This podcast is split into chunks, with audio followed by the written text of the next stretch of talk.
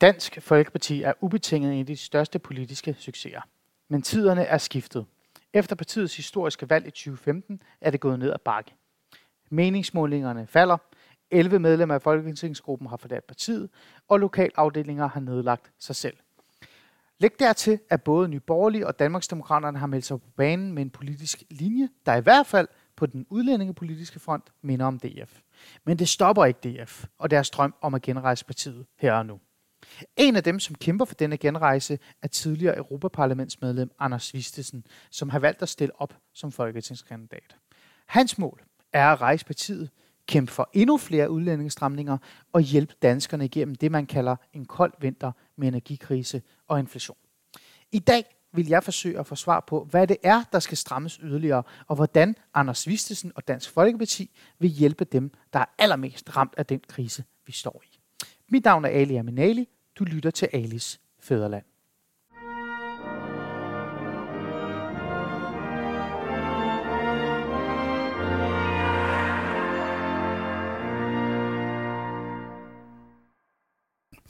Anders Vistesen, det er en lang øh, hvad hedder det, intro, og jeg falder også nærmest over den, fordi i virkeligheden er det lidt svært at forholde sig til øh, i forhold til alt det her med Dansk Folkeparti. Øhm, hvis vi lige starter med, hvordan det ser ud lige nu. I sidste uge der fik øh, Dansk Folkeparti øh, sine to historisk dårligste meningsmålinger nogensinde. 1,7 og 1,8 lød det øh, de på i hvert fald. Øh, hvordan har du egentlig med, at DF øh, står så historisk lavt lige nu? Ja, altså først og fremmest er vi jo så glade for, at de to, der er kommet i den her uge, de har også godt over spærregrænsen. Så, så på den måde er, er valgkamp jo taknemmeligt, fordi øh, vi får målinger næsten hver dag, så kan man jo selv vælge, hvad man tror på. Mm. Men altså overordnet set, så er det, det altid godt. Det er altid ondt, når man har været medlem af et parti, som jeg har i, ja, det nærmer sig snart små 20 år, øh, så gør det jo altid ondt, når det går, går ned ad bakke. Men, men øh, det vigtige for mig er jo faktisk, det, jeg vil sige, den eneste ting i din intro, som du lige gik lidt fejl af, det er jo det her med den lokale nedsmeltning. Altså vi har jo faktisk næsten alle vores medlemmer intakt, og jeg tror 75 ud af, af 100 lokalformænd, de sidder stadigvæk gennem krisen. Så på den måde er vi jo utrolig glade for, at, øh, og det er jo også det, der holder modet op på, på sådan nogen som os, det er jo, at alle de der gode lokale folk, der skal hænge vores plakater op og dele vores flyers ud, de er stadig. Det er jo også en virkelighed, som du er blevet nødt til at forholde dig til, fordi Anders øh, Vistesen, du er jo tidligere Europaparlaments øh, medlem, du er faktisk en højstående figur i partiet, men du er også en, der lagde det hele øh, til side og sagde, nu vil du lade andre, det var i hvert fald sådan, jeg kan huske det, overtage og, og kæmpe videre. Nu sidder du her. Gør du egentlig det på grund af alt det, der er sket herop til? Ja, altså, jeg havde det i hvert fald sådan, at dem, der har forladt Dansk Folkeparti, det skal man jo gøre. Hvis man, hvis man ikke ønsker at være en del af projektet, så skal man jo gå. Jeg synes, der er en ordentlig måde at gå på, en mindre ordentlig måde at gå på, men det er jo en anden diskussion. Mm. Men, men, men jeg, jeg har aldrig nogensinde overvejet at være medlem af et andet parti. Så, så da de gik ud, så var det jo ligesom også det, der var drivkraften for mig til at sige, så må vi andre jo steppe op og kæmpe. Og det er der heldigvis rigtig mange gode DF'er, der har gjort derude. Mm. Så det, der egentlig på det personlige plan har skuffet mest, det er, at det er dem, der har haft stjerner på skulderen. Det er dem, der har haft øh, meget højt lønnede poster og rigtig gode ben. Det er dem, der er gået. Alle dem der, der jeg har stået og frosset med, når vi har skulle vinde EU-afstemninger ude på gågaderne med folder, og det kender du selv, du har også engang været kandidat. Ja, ja, det har jeg det, de er der jo endnu. Altså, når man kommer til et årsmøde, så kan jeg jo stadigvæk møde Inge Lise op fra Skive, der inviterede mig til mit første bestyrelsesmøde for, for sådan 20 år siden. Jeg kan jo stadigvæk møde øh, de folk her fra Aarhus, der hjalp mig i valgkampen, da jeg første gang stillede op som ung og håbfuld kandidat til Aarhus Byråd tilbage i 2000 og, ja, det må være 2009-valget eller sådan et eller andet. Ikke? Så, så, så, det er jo også det, der ligesom er med til at, at stive en af det er, at den der familie, som parti også kan være, den er faktisk øh, mere intakt, end man engang imellem får indtrykket af. Fair nok. Øhm, hvorfor tror du egentlig, at øh, Dansk Folkeparti øh, så er kommet dårligt fra start hertil? Valgkampen, for det er jo det, vi skal tale om i virkeligheden. Altså, man kan sige, det er altid svært for partierne. Men i den her dårlige spiral, så er det rigtig svært at vente. Altså, vi kan jo sagtens, for eksempel, vi havde et rigtig godt årsmøde i Herning for tre uger siden, og vi kan egentlig, der tror, derfra alle sammen meget opløftet over, hvor godt det var gået. Men det er jo sjovt nok ikke noget, der får så meget medieopmærksomhed, når det går godt. Men hvis nu der har været stor øh, på, på, styr, og nogen, der udfordrede formanden, eller nogen, der stillede op til hovedbestyrelsen for at kritisere formanden, så skulle medierne nok have været der. Mm. Så det vi jo prøver på, det er jo at prøve at vise det, vi jo egentlig synes, der er virkeligheden os, der lever i det, nemlig at langt de fleste DF'ere, de vil bare gerne ud og kæmpe for det Danmark, vi tror på. Mm. Og, og alt det der ævl og kævl, ja, det kan du finde i lommer, og det kan du finde hos nogen, der måske er lokket af, græsset er lidt, uh, lidt grønnere et andet sted. Men, men uh, det er jo ikke noget, der sådan, er noget, vi oplever i vores dagligdag på tiden. Mm. Øhm, hvad siger egentlig folk, øh, du møder på gaden? Fordi øh, igen, øh, vi er jo i gang med en valgkamp, og det er det, program også skal handle om. Øh, så jeg bliver også nysgerrig. nysgerrig. Hvad siger øh, helt almindelige danskere, når de møder dig? Altså, nu skal jeg jo ikke sidde her som sådan en jubeloptimist, men de steder, det må jeg du gerne. Altså, det jeg er jo opstillet gerne. i Fagerskov og, og, og, og øhm, øhm, Hedenstedkredsen ja. her i Østjylland. Og jeg, indtil videre har vi jo hængt meget plakater op. Men jeg var på gaden i Hinderup, øhm, og jeg var faktisk overrasket over, hvor positivt det var. Altså, mm. jeg oplevede egentlig ikke, at der var færre, der ville tage imod vores folder. Jeg oplevede egentlig også, at folk øh, var rigtig mødekommende, gerne ville have en snak. Så altså, vi lever jo i håbet. Og en valgkamp, det er jo bare et langt øh, maraton frem mod en, en, øh, en, en hvad skal man sige, en målstreg. Mm. Og, øh, og det tror vi da på. Mm. Øhm, hvad med DF'er, eller tidligere DF'er for den der skyld? Er der nogen, der kigger dig i øjnene og siger, Anders, hold da op? Nej, altså, Nej. jeg vil sige, de, de, de tidligere DF'er, som jeg kender, det er jo meget dem, der, der måske er i Danmarksdemokraterne i dag, og jeg har sådan lidt mm. indtryk af, at de er Men jeg tænker på vælgerne. Nå, jamen, jeg synes igen, det er ikke noget, man, man bliver konfronteret særlig meget med. Ah. Okay. Altså, jeg, jeg, det er ikke sådan noget, jeg tænker, jeg møder ikke så mange af dem der, men det kan selvfølgelig også være, at de bare går et andet sted hen, når de ser DF-logo, men jeg møder ikke så mange af dem der, der siger, at det bliver Inger den her gang. Mm. Vi startede med situationen i DF, det er det, vi taler om lige nu, og så vil jeg gerne dykke ned i uh, selve jeres, uh, de her trommer, I altid slår på. I står jo faktisk på de samme trommer, de samme emner stadigvæk, selvom nogen vil mene, at I nærmest har Altså, I har været for succesfulde, ikke? I har fået alt for mange af jeres øh, mærkesager igennem, og det er derfor, I står, hvor I står nu. Øh, men hvis vi lige tager situationen i DF, øh, så bliver vi nødt til også at snakke om Morten Messerschmidt, som er øh, din partileder, men også en person, som du selv har kæmpet for at, for at blive partileder, faktisk. Har Morten Messerschmidt leveret som leder for partiet, når I ligger i en sådan dødsdans med spærregrænsen i virkeligheden? Altså, jeg tror ikke, der er nogen, der i det forløb, vi har været igennem, med så mange, der har lyst til at prøve noget andet, og en ny konkurrence kunne have gjort det meget bedre. Mm. Og jeg vil i hvert fald sige, når man ser rundt på de mennesker, der tegner partiet i dag, så er der ikke nogen, der er misundelige på, at, øh, at Morten har den post. Alle bakker op om ham, og alle synes jo egentlig også, at han kæmper det, han kan, og vi kæmper sammen med ham. Men, men det er jo også noget af det, der er lidt befriende ved at være der, hvor vi er nu. Fordi alle dem der, der har været lidt tvivlende og lidt nølende, og ikke rigtig at kunne finde ud af, hvor var græsset grønnest, de er der ikke længere. Så nu er vi sådan set kun også tilbage, der, der er DF'er, også når det går ned ad bakke, fordi vi er det i hjertet, ikke, på jo. en måde. Men hvad synes du selv? Altså nu spørger jeg dig, hånd Jamen, jeg synes, jeg synes, man kan selvfølgelig han altid, fint? jo, man kan altid gå tilbage og så sige, kunne han have gjort noget øh, anderledes, men mm. på den, jeg, altså, jeg, jeg har svært ved at pege på nogle væsentlige fejl, han har sat forkert. Altså, vi havde måske et indtryk af, at at nogle af de her mennesker var mere tiltrukket af noget andet. Skulle man så smidt dem ud? Jeg tror ikke, det havde givet mindre mediepalaver. Jeg tror, det er fint, at de endte med at gå selv. Men det gør selvfølgelig ondt, uanset hvad, når folk de har den der indstilling med, at man gerne vil blive og lave lidt skade internt, inden man, man går over i det næste. Mm. Så jeg synes måske, det, det, altså, det, det er svært at klandre, synes jeg, øh, formanden for. Man kunne måske sige til dem, at det moralsk havde været lidt pænere, hvis de alligevel ville noget andet og bare gå med det samme, og, og, og så gøre det. Mm.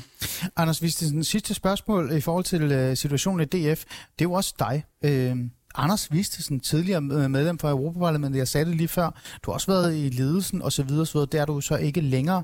Du stiller op til folketingsvalget, du er godt i gang. Uh, men gør du det, fordi du har lyst, eller gør du det i virkeligheden af nød?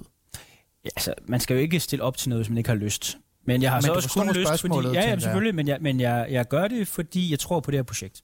Mm. Og, og øh, ja, altså, man kan også sige, man får det også... Altså, Grunden til, at jeg jo sagde, at, at jeg skulle ikke mere under den tidligere ledelse, det var også, fordi det var meget tydeligt, at den tidligere ledelse ikke synes, at jeg var et aktiv, man skal bygge på. Og så skal man ikke gå i vejen for hinanden. Nej. Nu har vi jo sådan en ledelse, der så måske synes, at jeg har noget at byde ind med, og der er det selvfølgelig mere interessant at, at udøve sin, altså som aktiv politiker.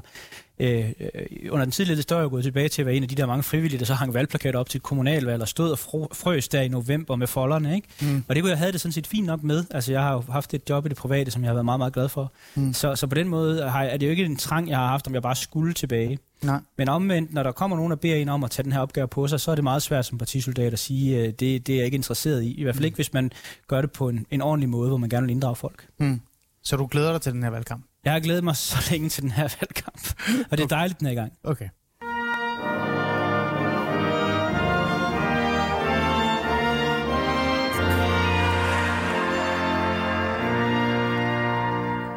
Godt, Anders. Så har vi vendt situationen i DF. Det er virkelig blevet et fast segment i programmet, når man har en DF med. Det bliver man bare nødt til. Vi bliver ja. nødt til at finde ud af, hvad er det egentlig, der sker, eller hvad der er op og ned. Nu vil jeg gerne tale om de her trommer, som helt som regel øh, faktisk slår på. Og en af dem, som I har slået allermest på i virkeligheden. Det udlænding, udlændingepolitiske øh, hvad hedder det, hvad kan vi sige, emne, tema, men også front, det er jo noget, som I på en eller anden måde har sat dagsordenen i. Altså, I har jo rykket øh, nærmest alle partier i forhold til det emne. Og nu står I så her 2022 og bliver ved med at slå på de her trommer. Øh, lad os bare lige starte med, før vi går ned i øh, hele tematikken og hele ideen om, hvorfor I gør det og hvad I gerne vil udrette. Øh, er det her måske bare et emne, I burde lægge til side i virkeligheden? Nej, altså fordi det, det er, altså, man skal ikke føre det politik efter, hvad vælgerne gerne vil høre. Man skal føre politik efter, hvad man tror på, der er det vigtigste. Og, og udlændingepolitik fylder noget for, i vores øh, opfattelse af, hvordan øh, Danmark skal være i fremtiden. Men jeg tror, at det vi har gjort galt i en lang periode, det har vi haft den her scene for os selv. Så uanset hvordan vi talte om udlændinge, så var vi meget alene med det. Mm. Og nu har vi fået noget kvalificeret øh, konkurrence, i hvert fald på retorikken. Så kan man diskutere, hvor meget der bliver gjort i virkeligheden. Det er jo ja. også en helt anden debat og sådan noget. Men Socialdemokraterne har lagt sig øh, samme sted som også vi har Nye Borgerlige, vi har Danmarksdemokraterne, og vi har også nogle af de andre blå partier, som pipper lidt op. Altså, for eksempel vores gode ven her i Østjylland, øh, øh, Knut, øh, ja, Markus fra, de, Knut, Markus Knut fra, Konservative og Mads Fuglede fra Venstre og sådan nogle typer. Ikke? Jo. Og det gør jo i hvert fald, at vi skal blive bedre til at kommunikere, hvad er det så, vi vil med udlændingområdet. Fordi udlændingområdet, det er jo også nemt bare at slynge op, vil I være slapper, eller slamper, øh, strammer, eller slapper, eller hvad vil I? Ja, ja. Nej, jeg tror, man skal være mere præcis, og vi har skulle politikudvikle noget mere. Og det er mm. det, vi har prøvet at gøre, og blive hvad er det egentlig, der er vigtigt udlændingepolitisk nu for Dansk Folkeparti, og hvorfor er det relevant for danskerne? Det er opgaven. Anders, er det så forkert? Øh, fordi øh, jeg tror, det har du mødt tit, øh, når man så siger, eller kigger på dig og siger, udlændingepolitikken, I er jo nærmest sejret jeg selv ihjel. Er det så faktisk forkert at sige, at jeg sejrer selv ihjel, fordi det lyder så mig, eller det lyder øh, på dig, at I overhovedet ikke er i mål? Jamen, det kommer an på, hvad målet det er. Altså man kan sige, jeg tror, at med tilstrømning, der er vi kommet rigtig langt. Altså det her med at få de rigtige til Danmark. Altså man skal komme for at bidrage. Ja. Der er vi kommet rigtig langt, og der er vi ikke kommet uden Dansk Folkeparti. Det vi så nok har glemt også lidt selv, mens vi har brugt tiden på, hvad skal man sige, få tilstrømningen til at fungere rigtigt i vores ja. optik, det er jo den integrationsudfordring, der ligger ved dem, der er kommet. Mm. Og de, den generationsudfordring, der også ligger der med, at vi ikke altid ser, at det faktisk går bedre med anden, tredje og fjerde generation. Og det emne har vi simpelthen ikke taget alvorligt i Dansk Folkeparti. Det er der, synes jeg ikke, der er mange, der på Christiansborg har taget alvorligt. Men jeg tror, det er der, den nye værdikamp er på udlændingområdet. Det er det her spørgsmål med at sige, hvordan er det egentlig, at vi får alle til at føle sig som danskere i Danmark? Mm. Og det er lige præcis en af de øh, temaer, som du også gerne vil slå ned på i virkeligheden. Og det er en af de første emner, vi tager fat i i dag, for at finde ud af, hvad vil egentlig Anders Vistisen og Dansk Folkeparti i virkeligheden i det her folketingsvalg? Øhm, jeg får helt lyst til at kalde det ghetto og parallelsamfund. Og det gør jo fordi, at øh, da du skulle øh, fortælle øh, alle dine følgere, og det lyder nærmest som om du er influencer, Anders, så skrev du, at øh, vi skal have et opgør med parallelsamfund parallelsamfund og ghettodannelser nu. Hvorfor skrev du det? Det skrev jeg, fordi det faktisk er en værdikamp på højrefløjen, synes jeg. En, en vigtig værdikamp på højrefløjen, hvor der er nogen, der siger, nej, lad dem bare leve isoleret. For eksempel her i Aarhus, der er det jo Gellerup-parken, det ved alle. Når man Gellerup, har den. Øh, Bispehaven. Ja, ja, men altså, man, man kender jo godt Voldsmose, vi kender Grimhøj og alle de, alle de her ting. Ja. Nogen siger, jamen det er jo fint nok, så er det problem derude, så behøver vi ikke forholde os til det. Mm. Sådan har jeg det ikke. Altså, der er ikke del af Danmark, jeg har lyst til at give op i forhold til. Der er heller ikke mennesker, der bor derude, jeg har lyst til at give op i forhold til. Altså, vi er jo nødt til at sige, at vi lever i det samme land, og derfor kan vi ikke i min verden have parallelsamfund, hvor man ikke hvor man, ikke, hvor man kan leve et helt liv i Danmark, uden egentlig at interagere med danskerne, uden mm. at, at, at være et sted, hvor der bliver talt dansk hver dag, uden at være et sted, hvor dansk øh, majoritetsnorm ligesom er gældende. Og for mig handler det ikke om, at man skal tvinge folk til at spise frikadeller, eller øh, alle de her sådan lidt mere symbolade ting. For mig handler det bare basalt set om, at man gerne skal kunne, når man lever i et land, så skal man gerne hver eneste dag opleve det lands normer og værdier. Hmm. Der bliver jeg lidt nysgerrig, øhm, fordi det du siger, det der med, at så længe man for eksempel øh, bor der, hvor man bor, øh, øh, så er det fint. Øh, tænker du her på for eksempel Konservativ Folkeparti, Venstre og andre, som siger, beskæftigelse er det vigtigste. Øh, går det af længere end det? Ja, men jeg synes, beskæftigelse det er for snævert. Selvfølgelig er det rigtig godt, hvis vi får nogle flere øh, øh indvandrere efterkommere i job. Det er en, en, vigt, en vigtig hjørnesten i det at blive integreret i et samfund. Men det handler jo også om, at man jo gerne skal omgås danskere i sin, jeg vil sige, i sin fritid. Man har det, det lidt, måske deltager i det frivillige foreningsliv.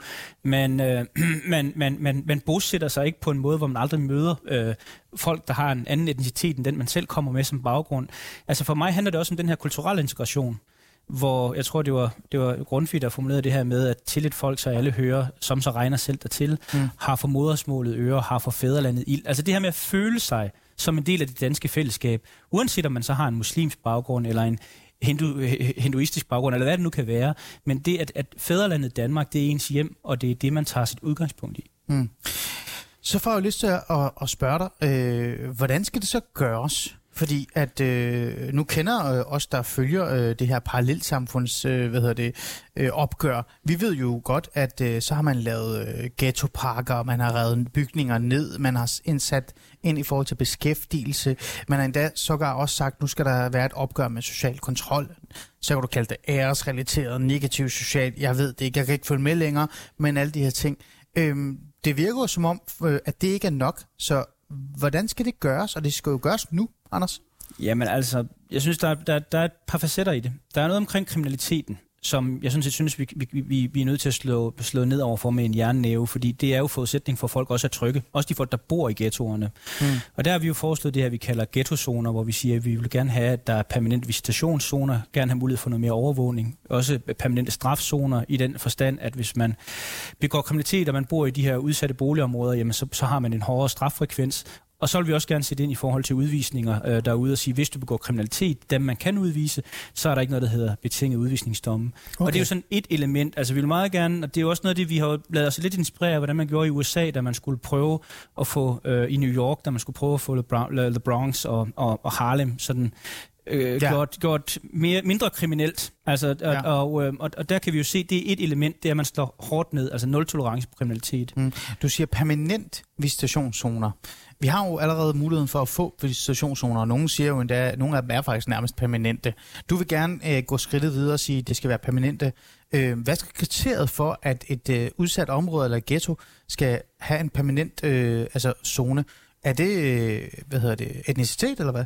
Ja, det for mig er det jo, hvis man er på ghetto-listen. Og så kan vi altid diskutere, hvad parametrene på ghetto-listen, om de er skruet helt rigtigt sammen. Men altså de områder, som har den her overrepræsentativitet af kriminalitet, af, folk uden for beskæftigelse, og så er det jo også bare, kan vi se, sådan at det er også et sted, hvor der bor rigtig mange øh, med, med anden etnisk baggrund end dansk. Jamen de steder, der skal vi have sæt ind med den her tryghedsskabende øh, indsats. Hmm. Der er nogen, der vil være fræk øh, over for dig at sige, jamen det lyder da fint, øhm, så vil jeg også gerne have permanent visitationszoner på Strandvejen i øh, Nordsjælland, for der er også rigtig mange, der begår øh, kriminalitet deroppe. Det er så bare hvidvask og alt muligt andet, øh, kan man så være fræk at sige. Øh, hvad er så dit svar til dem? Fordi at hvis det er hårdt mod hårdt, så er det jo også hårdt. Og jeg mener bestemt, man skal slå hårdt ned på al kriminalitet, men det er jo sjældent, man, man, man tager en, øh, en, øh, en, en, en spekulant, der har hvidvasket ved at visitere ham. Det er jo sjældent, at, at man ligesom finder kvitteringerne. I en, ah. Der er det nok mere, hvis man for eksempel er bandekriminel, at man kan finde nogle, nogle, nogle våben, slagvåben og alt muligt andet. Okay. Så jeg tror, det handler også om, at man lige bekæmper de forskellige former for kriminalitet med de rigtige redskaber. Men, men al kriminalitet skal jo selvfølgelig bekæmpes hårdt. Mm. Øh, Anders Vistisen, vi skal have et opgør med parallelsamfund og ghettodannelser. Jeg har bedt dig om at komme med nogle konkrete eksempler. Du kommer med det her øh, permanent visitationszone. Det kan vi have en meget lang snak om. Men jeg vil gerne have flere, øh, fordi jeg tænker, et opgør med ghettodannelser og parallelsamfund er jo ikke bare at slå ned på kriminelle. Øh, der er jo en stor procentdel af, af folk, der bor i de boligområder, som ikke er kriminelle. Mm. Det er faktisk en meget lille øh, gruppe, som er kriminelle. Øh, er det så det? Skal vi bare opgøre med kriminalitet, og så er det klart? Nej, altså det er jo en meget større ting, for der er også en enorm kulturel udfordring i det her. Og noget af det, der slog mig, da jeg selv var i, New York og besøgte nogle af de steder, hvor de havde haft succes med det her, derover der er det så med den, med den, dengang var det så med den sorte del af befolkningen, hvor man havde de her, nogle af de her problemer med høj kriminalitet og høj arbejdsløshed og sådan noget. Det var en high school, jeg besøgte, hvor man lærte eleverne for det første at gå pænt. De gik i sådan noget hip, øh, nu, nu, ser jeg på dig, sådan noget hip-hop-tøj, hipster-tøj. Tak. Øh, og i USA der er det jo meget forbundet til fængselsvæsenet, fordi grunden til, at bukserne de hænger, det er jo fordi, man i fængslerne ikke må have bælter på, og okay. grunden til, at man har de her Så i USA, der havde det sådan for politiet, når de kom forbi de her unge mennesker, der havde det her tøj på af modeårsager, ja. der havde det sådan helt klart dårlig tendens. Man havde også meget det med de unge, de hang på gadehjørnerne. Altså, de, de havde ikke rigtig noget at give sig til, så de hang ud øh, nede på pladsen. Ikke? Jo. Det tror jeg også godt, man kan genkende, hvis man kørte ud til, øh, til Gellerup. Og det, den her high school lærte deres elever, det var for det første, så gav de dem morgenmad om morgenen. Der var rigtig mange, der kom fra nogle familier, hvor det ikke var en selvfølge, at man fik en god start på dagen. Mm. Så indførte de skoleuniformer og sagde, at man skal, gå, man skal egentlig bare gå ordentligt. Altså, ikke noget sådan, ikke Herlufsholm-agtigt, men du ved, en polo, et par ja. almindelige bukser osv. Og, og så, sagde, så lærte de eleverne, når I, øh, når I skal gå til og fra skole, så gå den lige vej. Lad være med at stå og hænge på, øh, på, på hjørnerne. Bare gå, gå, med, gå gerne med dine kammerater, men mm. gå fra A til B. Mm. Eleverne havde faktisk den oplevelse, næsten med det samme, at de gik fra at have en følelse af, at politiet hele tiden stoppede dem, hele tiden visiterede dem. De følte sig chikaneret, de følte, at politiet var racister, politiet var racister, til at have den oplevelse, at de ikke blev stoppet, når de gik i deres skoleuniform, og gik med rank ryg, øh, gik ordentligt i tøjet. Mm. Og jeg tror egentlig, at man kunne lære rigtig meget af er sådan noget også et sted som for eksempel Gellerparken? Mm. Øh, den polemiske journalist, og så er det heldigvis øh, godt, jeg ikke er journalist, jeg er bare socialrådgiver, vil så sætte sig ned og kigge på dig og sige, okay, nu kan jeg stille ham nogle, en masse kritiske spørgsmål i forhold til tøj. For det virker som om, han gerne vil bestemme, hvad for noget tøj, jeg skal have på. Ikke? Nærmest social kontrol. Men jeg kan jo høre på dig, det handler om dannelse. Er det det i bund og grund, det handler om, det er, at du siger, at vi har at gøre med, med en målgruppe, en gruppe af borgere, som bor i de her udsatte områder med minoritetsætningsbaggrund, øh, som har brug for dannelse, og det vil Dansk Folkeparti give dem?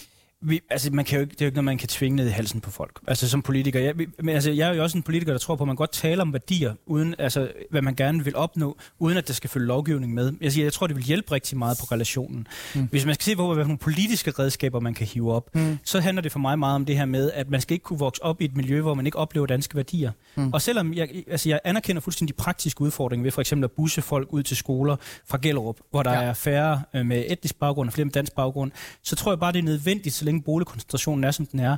Fordi hvis du ikke i løbet af din børnehavetid, din vuggestuetid, din folkeskoletid, din gymnasietid oplever majoritetssamfundet, så forstår vi heller ikke hinanden.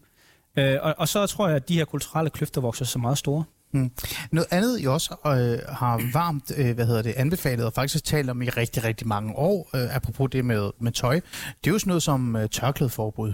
Øh, I har jo også støttet op omkring øh, hele den her, det her øh, forslag, eller øh, ja, idé og tanke omkring, at der skal være tørklædeforbud i folkeskolerne, der kom frem efter den her kommission, som vi kan have en meget lang snak om, øh, hvad der er op og ned i den. Lad os lade være med det. Øh, men, men baseline er, øh, tørklædeforbud er også noget, I øh, er gået op på. Er det også et redskab, et forslag, der kan være med til at, at stoppe ghettodannelser og parallelsamfund? Det virker du nærmest som om for jer.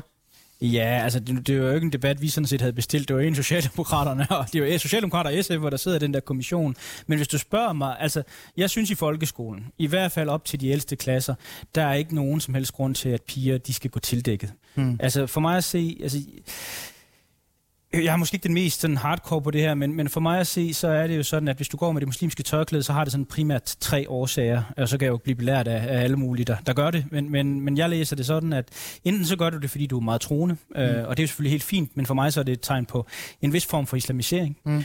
Eller også så ligger der for mig at se et, et vist kvindeundertrykkende element i det, fordi man skal dække sig af for, at mænd ikke begår overgreb mod, mod kvinder. Det synes jeg ikke, der skal være plads til. Det synes jeg ikke er en norm, der skal være plads til i det samfund som danske. Og så er der selvfølgelig den, jeg tror gælder for mange, der bruger tørklæde, nemlig en kulturel norm. Det er noget, man gør. Det gjorde min, min mor, det gjorde min bedstemor, og derfor gør jeg det. Mm.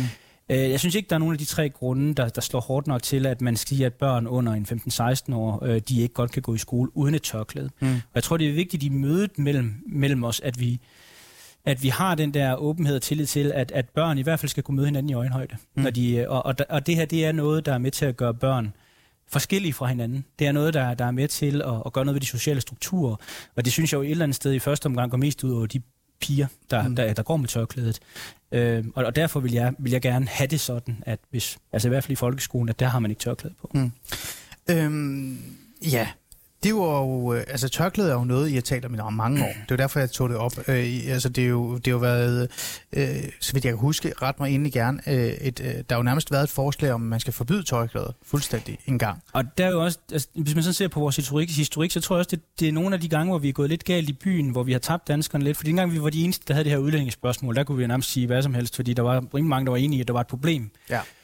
Men jeg synes, vi skal altså passe på med som parti at gøre den her, for jeg synes, den her debat er for vigtig til at blive sådan noget symbolplader. Omkring øh, tørklæde kun? Ja, altså sådan lidt, at tørklæde skulle være det mest, altså jeg kender der masser af, af kvinder, der går med tørklæde, hvor jeg ikke synes, at det gør dem til, til, til dårligere danskere i sig selv. Mm. Og jeg kender der også mange, hvor det ikke er et tegn på verdens social kontrol eller alt muligt andet.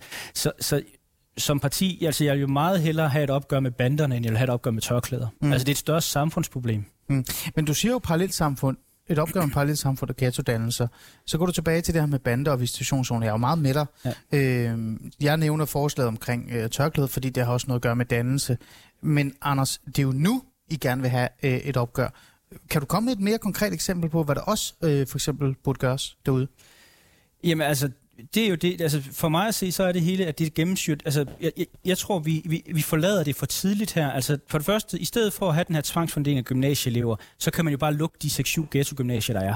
Ah. Altså, vi har en kæmpe overproduktion af gymnasier i det her land, fordi at, at børnetallet falder, ja. så der er altså færre til at gå på gymnasiet i fremtiden. I stedet for at straffe alle med, at man skal booste dem rundt, så kunne man jo bare lukke de 1-2 gymnasier, for eksempel her i Aarhus, og de 3-4 i København og Odense, ja. der har den her problemstilling omkring, at, at danskere er blevet en minoritet. Men hvor skal de så hen? Jamen, de skal jo så rundt, fordeles rundt, lidt som man snakker på folkeskolen, sådan at, at, at alle gymnasier tager en del af, af den her ja, okay. øh, udfordring på sig. Mm. Det er sådan helt konkret. Jeg tror også, der ligger rigtig meget. Nu kommer du selv med en baggrund som socialrådgiver. Du har også skrevet en, en øh, synes jeg, udmærket bog. Tak. Øh, Sig mere om det der. Ja.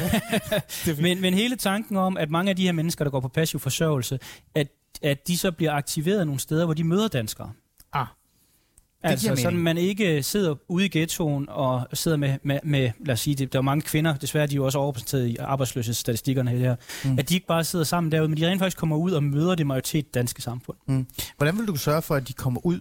Er det via arbejde? Altså, ja, er vi tilbage det er jo, når du har, når vi er, altså, når, mange af dem er på kontanthjælp. Altså, vi har jo altså muligheden for at sige, de, de, de jobnære, øh, eller det, der skal få dem tættere på arbejdsmarkedet, mm. der har vi muligheden for at tilrettelægge det på en måde, så det også har en kulturel effekt. Men Anders, de tager jo tilbage til ghetto. De tager jo tilbage til de her udsatte områder, eller de, eller de her boligområder, hvor der er en stor procentdel af ikke-vestlige, der er bosat sig. Mm. Og man kan jo se erfaringsmæssigt, så er det ikke nemt at få danskere til at flytte ind i de her, altså etniske danskere. Nej. Så øh, jeg synes, der, der mangler noget. Lad mig hjælpe dig lidt her. øh, hvad med selve nedbrydelsen af parallelsamfundet og ghettoerne. Er det, er det noget, I går rundt og tænker over, hvordan man måske eventuelt kan gå længere? Jamen altså, man kan sige, jeg, der er jo rigtig gode grunde til at bryde ghettoen ned. For det første så er det jo, det, det er jo grimt at se på. Det er, nogle, det er nogle grimme bygninger. Det handler ikke så meget om de mennesker, der bor derude, men jeg, altså, hvis man går rundt ud i Gellerup... Det var en drøm for 60'erne, tror det, jeg. Det er trøstesløst at gå rundt ud i de der områder. Men, men altså, man kan sige, der er jo lige præcis den her tendens til, at man gerne vil bo sammen. Så hvis vi rev hele Gellerup-planen ned og ryddede den med jorden, så tror jeg bare, at, at man vil finde sammen nogle andre steder. Men der er ikke nogen tvivl om, nu kommer jeg selv fra et lille lokalsamfund, hvor der er også boet nogle ganske få indvandrere. Der er ikke nogen tvivl om, at den nemmeste måde at blive integreret på, det er der at flytte ud i en landsby med 1000 indbyggere, det ja. er ikke at flytte ind i Gellerup-parken. Nej. Altså, ja, hvis man læser Ahmed Akaris bog, der kom for en del år siden, det er noget af det, der slog mig mest, da jeg læste den. Det var ikke alt det der med Mohammed-tegningerne. Det var faktisk det her med, at han var vokset op i en lille landsby op i Nordjylland, og indtil han var en, tror jeg, en 13-14 år, der var han det mest velintegrerede uh, unge indvandrer. Det var først, da han flyttede ind til Aalborg og ind til ghettoområdet derinde, og begyndte at komme i moskeen derinde, at han oplevede, at hans radikalisering kom i gang. Mm. Så der er ikke nogen tvivl om, hvis man sådan skulle drømme om, hvordan det var vil være bedst at løse nogle af de her ting i forhold til at få os til at føle os som et land, så vil det være, at indvandrere i højere grad bosætter sig med danskere. Mm. Godt. Noget andet, vi også kan forbi, det er jo også øh, en af de ting, som I, man, man burde jo tro, eller det har du også selv været inde på, øh, udlændingepolitikken er, er er klaret. Derfor skal vi tænke mere på integration. Men en af de ting, som jeg har lagt mærke til, også har lagt øh, fokus på, det er hjemsendelser. Man kan nærmest øh, være fræk at sige, at, man, at I nærmest har brugt et af mine ord, som hedder hjemsendelsespolitik i virkeligheden. Uh, hvad med hjemsendelser? Er det noget, som også kan være med til at hjælpe det her øh, opgør, som, I, som, som du nu siger, der skal være i forhold til parallelt samfund og ghettodanser? Der er jo ikke nogen tvivl om, at, at der er mange, der kan blive en del af det danske samfund, men der er også en hård kerne, som dybest set ikke ønsker Danmark. De er måske af mere sådan pragmatiske, livsnyderagtige grunde, at det er bekvemt at være et land som Danmark, men de kan ikke lide landets værdier, de kan ikke lide dem, der bor her, de kan ikke lide øh, den, øh, den styreform, de kan ikke lide det, at, øh, at islam ikke har en større sådan, stilling i samfundet. Og for dem, der tror jeg da sådan set, at det er bedst både for danskere, for dem selv, men også for de indvandrere, som gerne vil være en del af det danske samfund, men måske oplever, at de bliver presset lidt i forhold til noget social kontrol og nogle andre ting, at, at vi hjælper dem hen til nogen. Man er jo så heldig her i verden, der findes jo masser af islamiske lande, så hvis man synes, den styreform er bedre, uanset om man så er sunni eller shia, eller mest til Taliban, eller mest til Ayatollah øh, nede i Iran, så har man jo øh, egentlig ret stor øh, mulighed for at leve et sted, hvor de her normer gælder. Og, og der, der synes vi da bare, at man skal hjælpe de folk den retning, fordi hvis de ikke ønsker Danmark, så bliver det jo aldrig godt. Altså mm. det er jo ligesom et parforhold. Altså hvis parterne ikke rigtig har lyst til at være sammen, jamen, så, så kan vi jo gøre mange ting med parterapi og alt muligt andet, men, men det hjælper jo ikke. Men jeg skal bare lige forstå, så hjemmesendelsespolitik eller hjemmesendelse er også noget i... Ja, ja, altså, helt, altså man kan sige, det, det, jeg, altså, jeg vil jo meget gerne have, at indvandrere i Danmark og deres efterkommere tager aktiv stilling.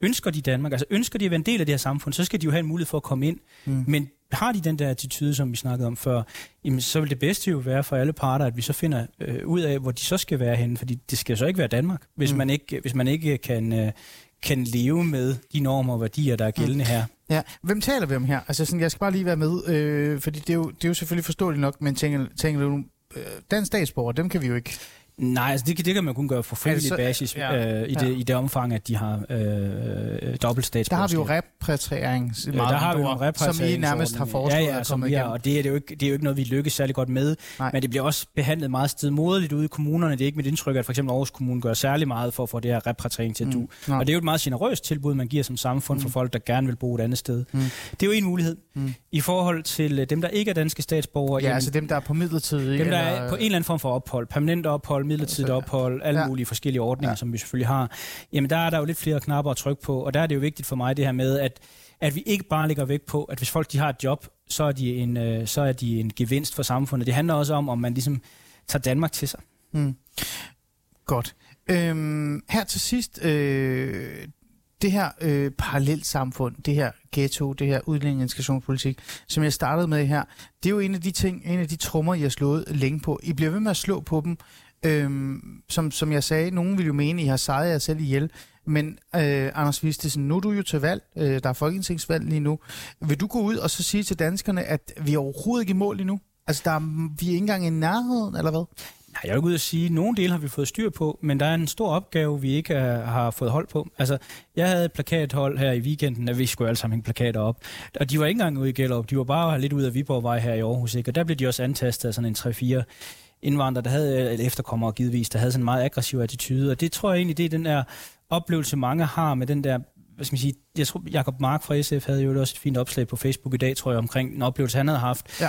Og den her dominansvold, eller hvad man siger, den her daglige terror, altså mm. hvor man sådan føler, at, øh, at man bliver intimideret, mm. det, det tror jeg, det er noget af det, som kommer til at fylde meget af den her integration i forhold til at sige, at, at man, er, man er nødt til at kunne være tryg i Danmark. Altså mm. man er nødt til at kunne, kunne øh, kunne være trygt, når man, man går rundt i byen. Mm.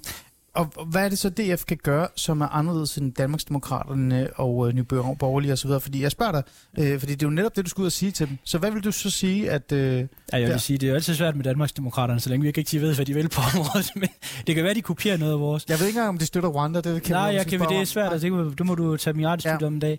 Jamen altså, det vi jo så siger, det er jo, at vi synes, at Nye Borgerlige meget har taget den her tilgang til det, at ghettoens problem er ghettoens, og det, de må være derude, vi er herude. Mm det, der synes jeg egentlig, det er meget fundamentalt anderledes, det vi siger, hvor vi siger, nej, altså vi svigter ikke de mennesker, der bor ude i ghettoen.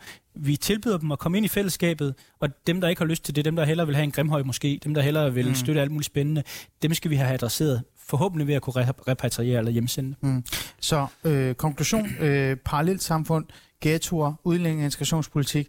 Dansk Folkeparti har ikke sejret selv endnu. Vi er stadig masser nu. Er det ja, desværre, desværre har vi ikke, øh, hvis, hvis vi bare havde hvis bare havde.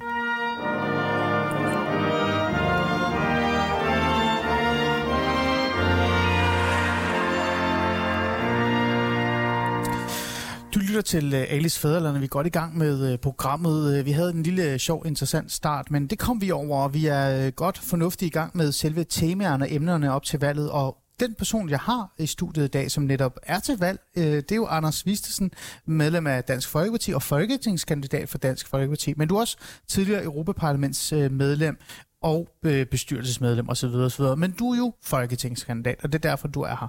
Vi har brugt den første halve time på både at snakke om DF, what's up i virkeligheden, ikke? Den klassikeren, hvad er det egentlig, der sker? Øh, det virker som om, Anders, at øh, du er her for at kæmpe for partiet, og sådan er det, du kalder dig selv for partisoldat, og det er jo en ærlig snak. Men så er vi også dykket ned i de her temaer, som i virkeligheden det programmet handler om i dag. Det er jo at lære Anders Visten at kende, det jeg får kende, og hvad er det, I kæmper for? Med det samme så gik vi jo i gang med en snak om ghetto og parallelt samfund, øh, alt det her integrations- og Men Dansk Folkeparti er jo faktisk mere end det.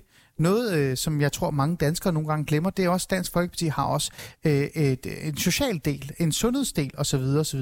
Og apropos hele den sociale, øh, Dansk Folkeparti har jo faktisk været ude med et ultimativt krav nærmest, kan man sige. Øh, I går jo til valg på, at danskerne skal have hjælp til at komme igennem inflation lige nu. Og det vil jeg gerne øh, tale med dig om her øh, i det her nye øh, lille del af, af det her program nu, øh, som er sådan den her hele vinterpakken. Altså, winter is coming, er der jo nærmest nogen, der siger. Øh, I et interview i Berlinske siger jeres partiformand Morten Messersmith, at han kræver mellem 10 og 20 milliarder ekstra. Og det skal hjælpe de mest udsatte danskere her og nu. Øh, jeg vil gerne være sådan helt skarp øh, på, er det her virkelig et ultimativt krav? Lad os starte med det.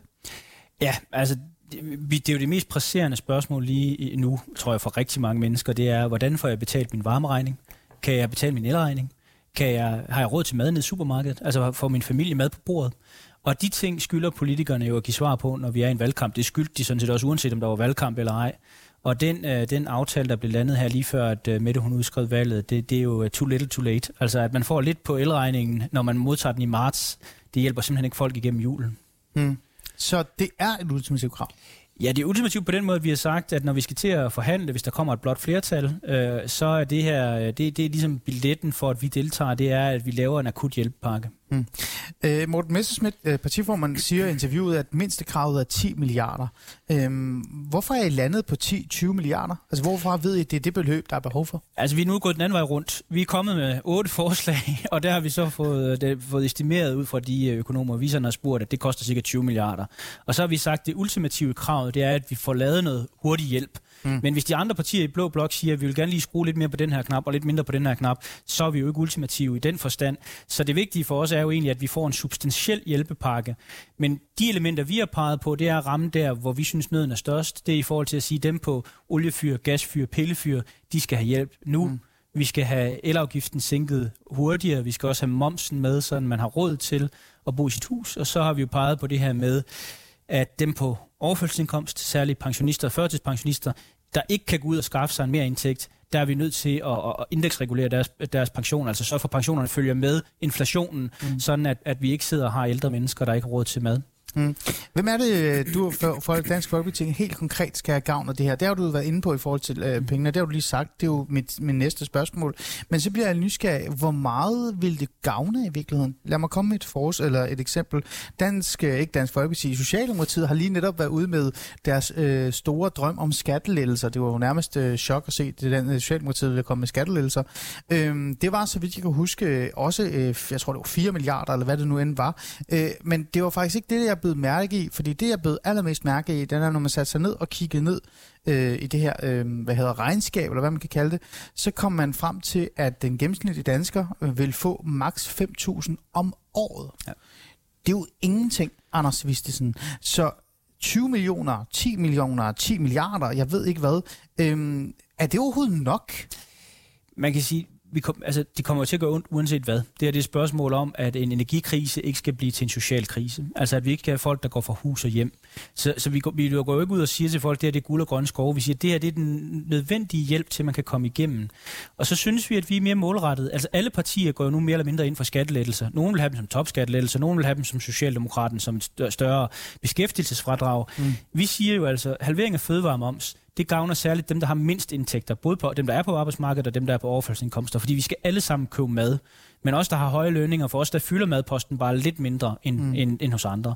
Når vi går ind og siger, at vi målretter vores skattelettelser efter energiafgifterne, altså sådan, at det bliver billigere at købe el, olie, gas, jamen så er det jo også ud fra en logik om, at det er det, der fylder mest for dem, der har mindst, uanset om du er pensionist eller om du sidder i kassen i Netto.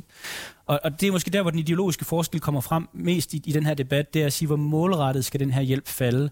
Mm. Og der siger vi, vi vil meget gerne have den målrettet dem, der har det. Altså alle får jo glæde af det, men dem, der får den største glæde af det, det er dem, der har mindst at gøre med. Mm. Men kan du forstå det, jeg prøver at sige, det her ja. med, at det er jo maks to til 5.000 om måneden, eller ikke om måneden, om året i virkeligheden. Hvis det var om måneden, så er jeg faktisk været lykkeønsker i virkeligheden. Ikke? øhm, er det også bare en virkelighed, øh, danskerne skal se sig ind i? Øh, fordi jeg har det sådan lidt, øh, der er folketingsvalg, øh, I kommer med skattelettelser, de borgerlige kommer med skattelettelser, social kommer, det Socialdemokratiet kommer med skattelettelser, og, og alt det her, det kommer, fordi I gerne vil hjælpe. Øh, I vil jo gerne hjælpe de svageste, men I vil gerne hjælpe danskerne. Men så meget hjælp er der faktisk i virkeligheden ikke at hente. Men det er jo igen der, hvor det målretningen og det bliver vigtigt. Men lad mig prøve at gøre det meget konkret. Altså, Gerne. De steder, hvor vi kan se inflationen eksplodere, det er mm. på energiregningerne, øh, benzin, brændstof, vores varme, og så er det på maden.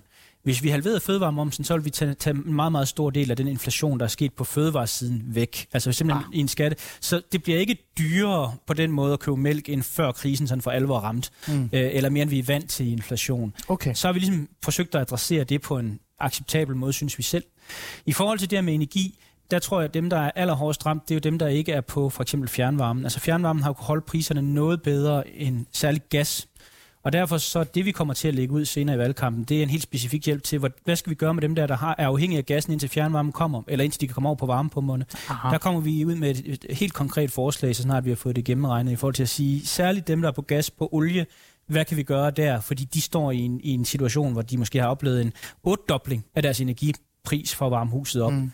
På elsiden, jamen, der kan man komme langt ved at, øh, ved at indføre det her, vi har snakket om. Altså, ved, altså problemet på elsiden er jo primært, at hjælpen først kommer i marts. Ja, hvis, vi først, hvis vi fremrykkede den til før jul, så vil man jo hjælpe mange med det samme. Mm. Så, så man kan sige, at vi har jo prøvet, fordi, netop fordi vi ikke kan gå ud og sige, at krisen går væk, mm. så siger vi, jamen, hvordan håndterer vi krisen bedst muligt? Og så er der nogle kloge økonomer, der så siger, jamen vil det ikke bare give en hel masse ekstra inflation? Og der har vi det jo bare sådan, ja, det er jo basisvarer, vi hjælper på. Altså, mm. det bliver jo ikke billigere at købe en, øh, en stor Tesla, eller at købe øh, rejse på, på ferie Nej. i udlandet. Og det er jo ikke, fordi jeg regner med, at den almindelige familie kommer til at købe mere mad, mm. end de har brug for, fordi de lige pludselig har råd til maden.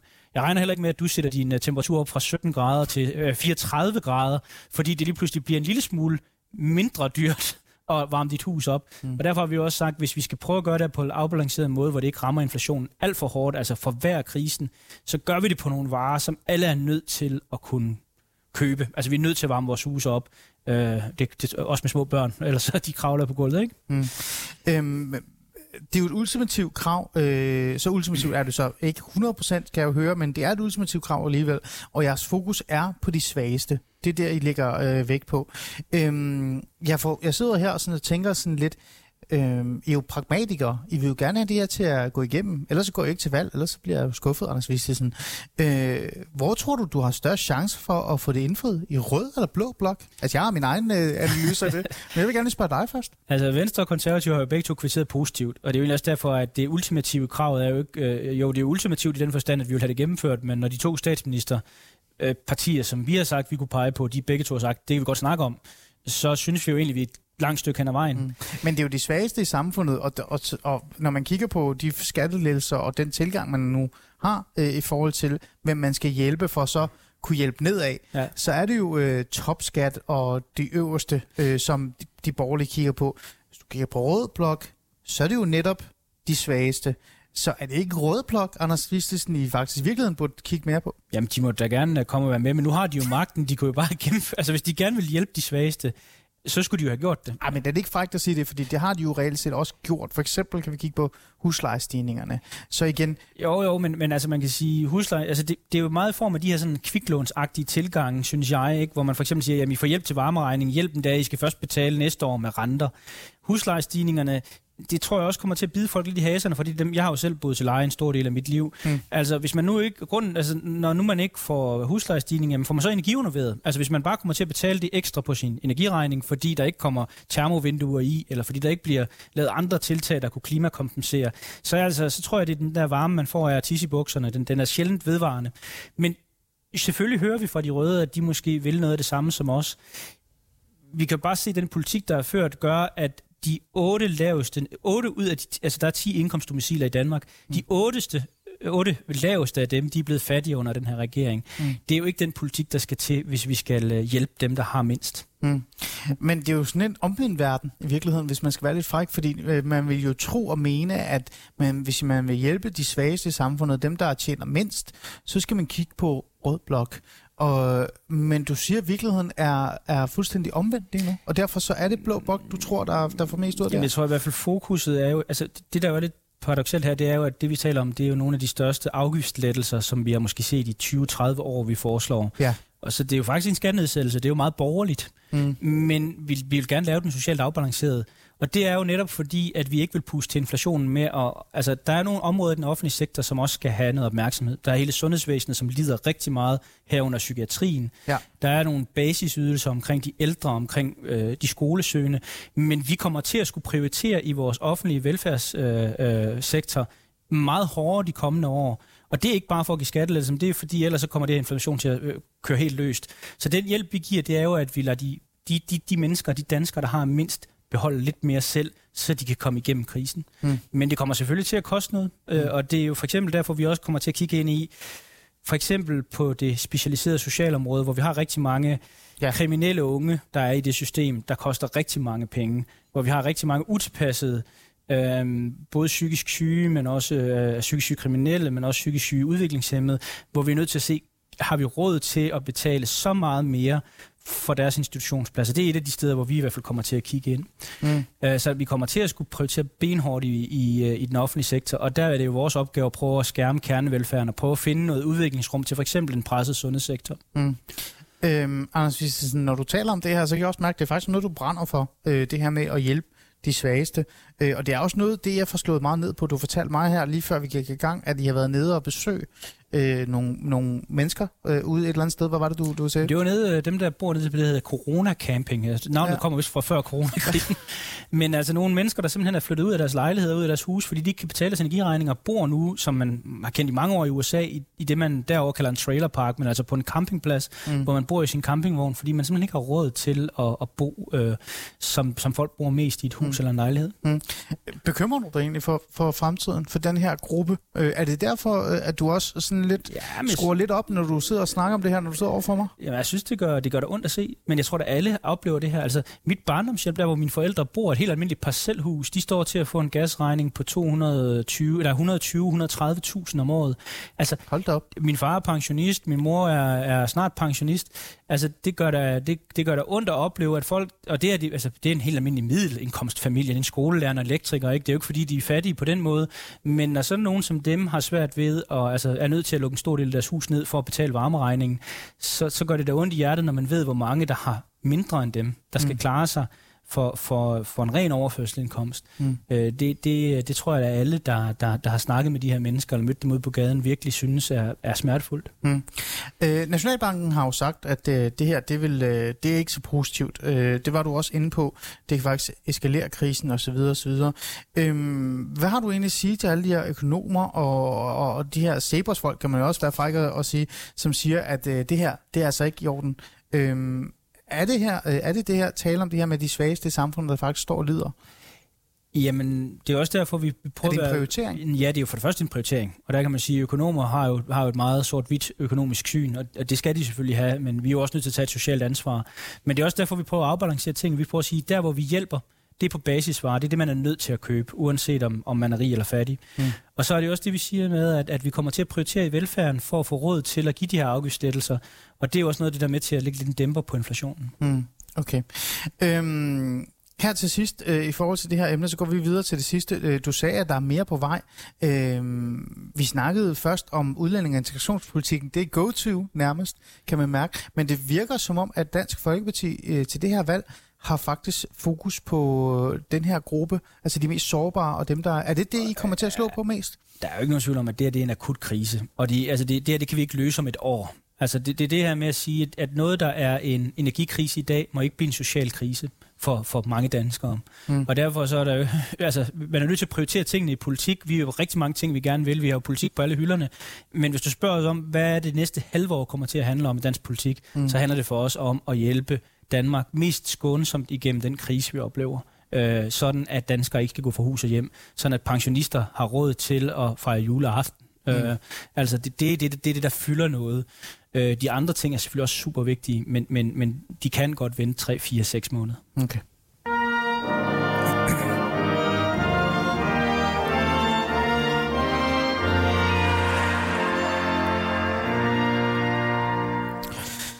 Anders Vistesen, øh, det har været en fornøjelse at have dig i studiet, og lige, eller i min stue virkelig. Det er ikke studiet. Det er hyggeligere, end når vi plejer at være inde i Pilestræde. Det er det jo, det er det jo. Det skal nok blive hårdere næste gang.